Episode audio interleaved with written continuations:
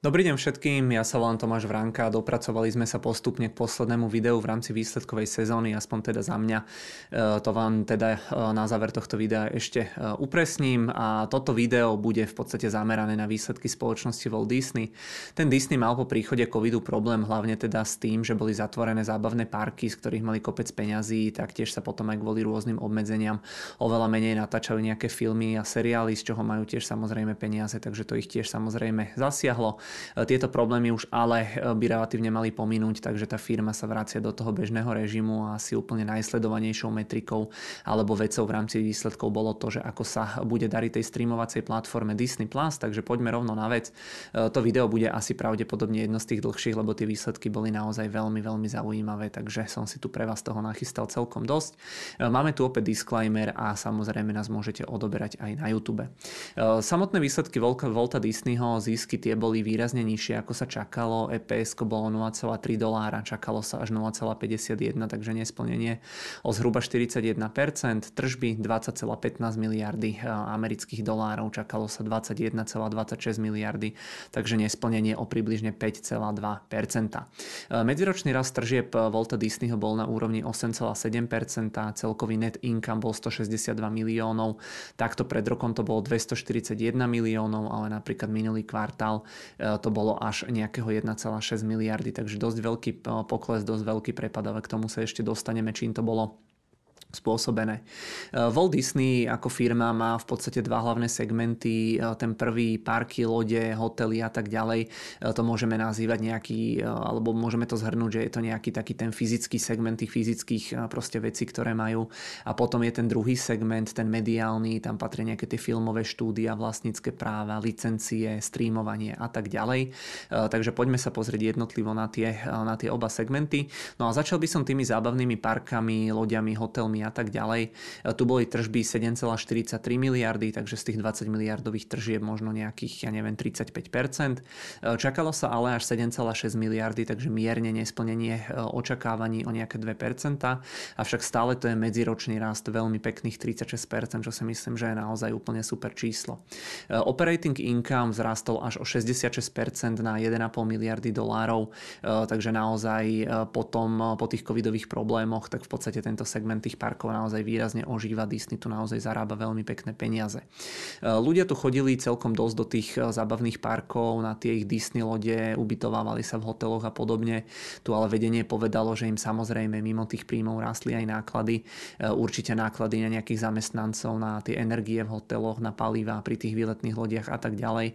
A že teda to zvýšenie cien proste ubytovania lístkov, ktoré realizovali v rámci toho posledného roka, tak to čiastočne samozrejme kompenzovalo ten tento raz, náklad, e, tento raz nákladov Výdavky ľudí v parkoch rastli medziročne o 6%, od roku 2019 dokonca o 40%, čo je teda pre Volta Disneyho e, naozaj vysoké e, číslo. E, problém im robil napríklad aj hurikán Jan alebo Ian, neviem ako sa to číta, na Floride, tam im to ubralo stržieb zhruba 65 miliónov dolárov, ale segment ako taký, tento fyzicky naozaj veľmi, veľmi dobre je vidno, že je tu záujem proste o tie ich služby, o tie Disneylandy a tak ďalej.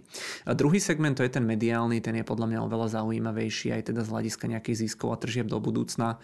E, tu boli tržby 12,7 miliardy dolárov, čakalo sa ale až 13,8 miliardy dolárov, takže dosť veľké nesplnenie o nejakých 7,9%. E, zároveň to bol aj medziročný pokles o 3%, čo na prvý pohľad nevyzerá úplne ideálne, ale teda dôvody sú také, že Disney mal v kinách menej obsahu, menej filmov malo premiéry, že tu bol horší reklamný trh aj v rámci e, tej televízie alebo proste toho reklamného biznisu ako takého. Proste boli tu tu také tie makrodôvody, ktoré spomínalo viacero firiem, potom tam ešte spomínali, že ten ich športový ESPN kanál, e, že tam jednoducho sa to porovnávalo s tým minulým rokom, kedy bolo nejaké iné načasovanie napríklad e, niektorých zápasov v rámci playoff NBA a podobne. Takže e, jednak bolo za týmto makro v rámci toho reklamného biznisu a jednak aj nejaký teda trošku iný timing. Tu som sa inak tiež zamýšľal v podstate aj, aj nad tým, porovnaním toho streamovania versus tej klasickej televízie z hľadiska zadávateľov pri reklame. Tam si v podstate zoberte, že pri tej klasickej televízii majú úplne rovnakú reklamu všetci, nie je tam žiadne cieľenie, skoro žiadna personalizácia, teda mimo tej časovej, že napríklad do obeda chodia, ja neviem, viac reklam na nejaké čistiace prostriedky, ale jednoducho vždy všetkým tá televízia premieta úplne tú istú reklamu, čo je teda neefektívne, ale teda pri tom streamovaní to musí byť oveľa zaujímavejšie aj pre tých inzerentov, lebo proste tie streamovacie platformy majú tie dáta, ktoré sú, dá sa povedať, že nové zlato. Takže aj toto je za mňa taký ďalší dôvod eh, toho, prečo si myslím, že tá klasická telka aj do budúcna bude čoraz viac upadať, lebo si myslím, že naozaj aj pre tých inzerentov bude oveľa efektívnejšie cieliť, eh, cieliť reklamu v rámci toho streamovania, ale to bolo v podstate len také moje vedľajšie zamyslenie sa nad týmto celým. No, eh, takže ten mediálny segment nevyzeral na prvý pohľad nič moc, ale tam, ako už som spomínal v úvode, tak úplne najdôležitejší je, alebo najdôležitejší najdôležitejšie podľa mňa pri tejto firme sledovať e, tú dynamiku v oblasti Disney+. Plus. E, tam e, sú veľmi zaujímavé metri, metriky z hľadiska toho, že ako sa vyvíja počet tých predplatiteľov, keďže to streamovanie je celkovo, alebo tie predchádzajúce firmy nám ukázali, že je v nejakom takom útlme. Ale teda Disney Plus ukazuje relatívne dosť veľký opak, majú v podstate už 164,2 milióna predplatiteľov. Čakalo sa 160,5 milióna predplatiteľov, niekde som čítal aj o odhadoch 160 161, 162 miliónov. E, takže každopádne to číslo prekonali podľa toho, o ktorom odhade sa bavíme o nejaké 2 až 4 milióny predplatiteľov, takže naozaj e, veľmi, veľmi pekný byt e, z tohto hľadiska. Je to medzikvartálny prírastok 12,1 milióna, čo je naozaj obrovské číslo. Tam vieme, že tie iné streamovacie platformy pridávali iba v podstate jedno, jednociferné čísla, takže naozaj Veľmi pekné, no a dokopy e, celý ten balík e, tých ich služieb, kde je teda aj nejaké to ESPN, Hulu a podobne, tak tam to zrástlo až o 14,6 milióna, takže obrovský e, prílev nových predplatiteľov.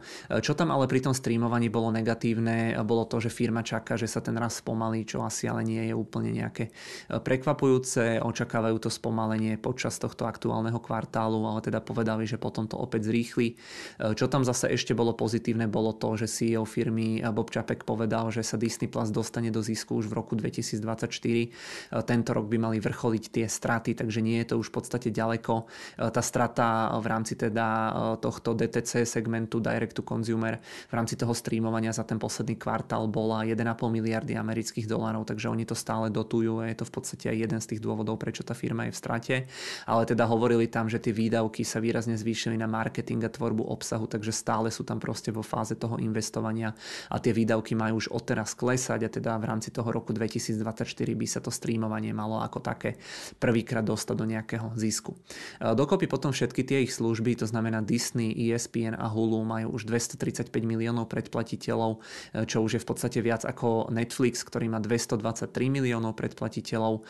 Inak potom tam v rámci toho kolu e, hovorilo vedenie, že ten balík, kde je Disney+, Plus, ESPN a Hulu, tvorí v podstate až 40% predplatných, predplatných programov v rámci teda USA.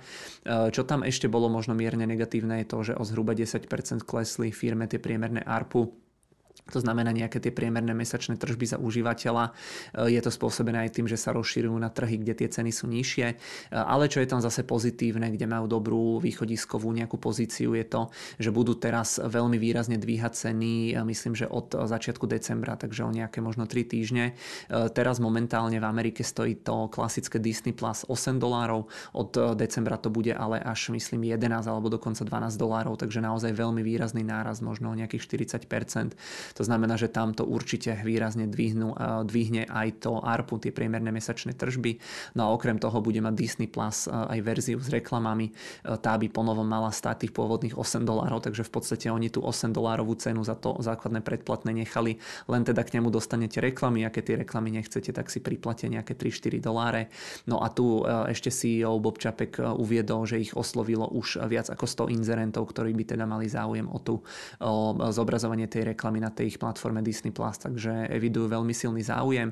No a tu sa odhaduje, že ročne by tieto príjmy v nejakom tom prvom kole za tú reklamu mohli priniesť ďalších 800 miliónov dolárov pre firmu, takže opäť celkom pekné čísla. Ja som tu inak včera večer ešte premýšľal, že ktorá platforma, tá streamovacia má aké výhody a nevýhody.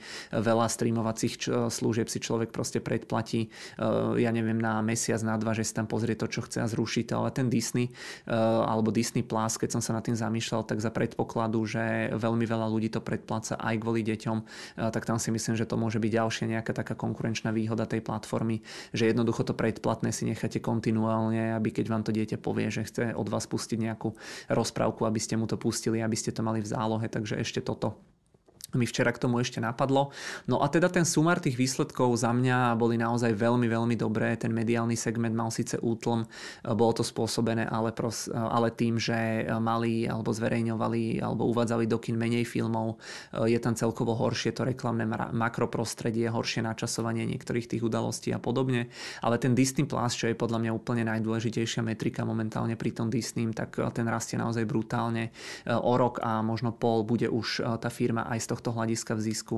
Zvyšujú ceny eh, toho Disney+, Plus, plánujú tam nejaké nové príjmy z tej reklamy, plus je tu stále teda ten segment parkov, eh, po ktorom je veľmi veľký dopyt, ktorý medziročne rastol od tých 36%, ten naozaj rastie krásne aj napriek tomu, ako tam pozvyšovali tie ceny. No ale napriek tomu tie akcie dávali dole až nejakých 7, 8, 9%.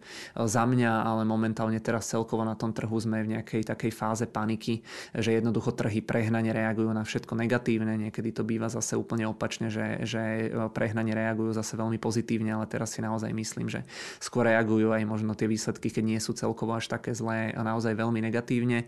No a e, za mňa je to teraz úprimne tak, ako som hovoril, ale ja som sa na tým zamýšľal. Za mňa e, úprimne je momentálne ten Disney teraz veľmi horúcim kandidátom na nejaké také prikúpenie. E, tá cena je tam pomaly tam, kde boli tie covidové nejaké minima, odvtedy má firma ale oveľa vyššie tržby, rozbieha ten Disney+. Plus.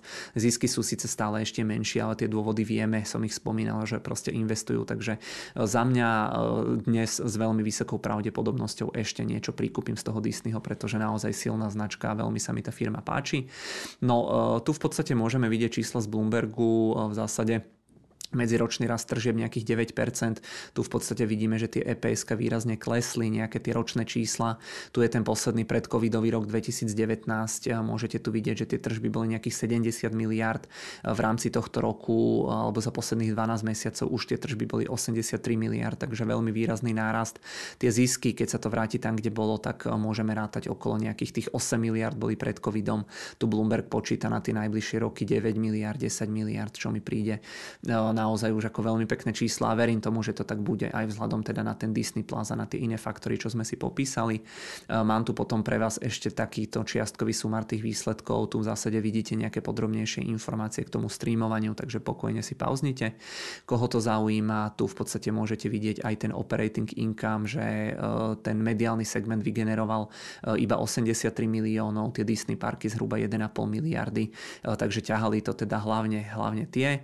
Tu v podstate podstate som vám eh, zobrazil aj eh, price earningy, ale nie sú to tie klasické, ale sú to tie forwardové, tie očakávané, pretože tie klasické, keď som tam dal, tak kvôli teda tomu, eh, že v podstate tej firme veľmi výrazne klesali zisky po príchode covidu, tak ten graf bol totálne zdeformovaný, lebo to vyskočilo niekde úplne hore, takže tu je to asi lepšie vidieť, čo sa od toho čaká. No a tu máme ešte v podstate počet alebo vývoj počtu predplatiteľov tej platformy Disney+, Plus, takže vidíte, že naozaj od, to, od toho prvého kvartálu 2020, kedy to spustili, tak naozaj veľmi výrazne, veľmi výrazne rastú, čo je teda pozitívne. No a posledná, e, posledné porovnanie, tu v podstate vidíme vývoj počtu predplatiteľov. Netflix to je tá žltá čiara z dielne Bloombergu a Disney Plus to je tá čierna čiara. Vidíme 223 miliónov samotný, e, samotný Netflix a Disney Plus 164 miliónov a vidíme, že ten Disney ich naozaj veľmi pekne veľmi výrazne e, doháňa, takže uvidíme, ako to pôjde ďalej, ale ako už som spomínal, celý ten balík toho Disneyho dokopy keď tam prirátame aj ESPN a to Hulu, tak už majú viac ako ten Netflix. E, tu máme opäť ešte e, potom link na ten kvartálny report, to vám hodím pod video a tu v podstate môžeme vidieť, že takto nejako vyzerajú tie akcie toho Disneyho, hovorím o tých maxim dole možno o nejakých 50%.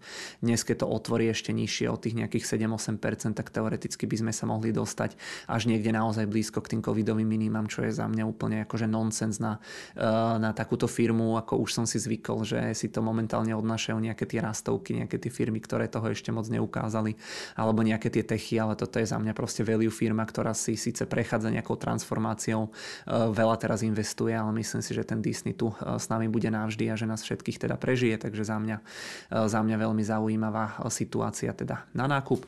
No a späť teda do tej prezentácie záverom. Prvá otázka, či veríte platforme Disney+. Plus. Druhá otázka, či si myslíte, že ide o nejaký hedge voči inflácii, že naozaj tá, ja neviem, napríklad ceny tých vstupeniek, lebo Disney ich dlhodobo zvyšuje výraznejšie viac ako je inflácia a tým ľuďom to absolútne nevadí.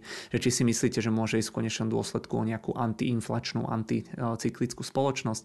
A tretia otázka, že či vám tá cena príde zaujímavá, či tam vidíte nejaké rizika, pretože mne, opakujem, každý si to musí zvážiť sám, ale za mňa je tá cena akože celkom, celkom dobrá na nejaké to prikúpenie, tak možno, že či tam vidíte nejaké také rizika.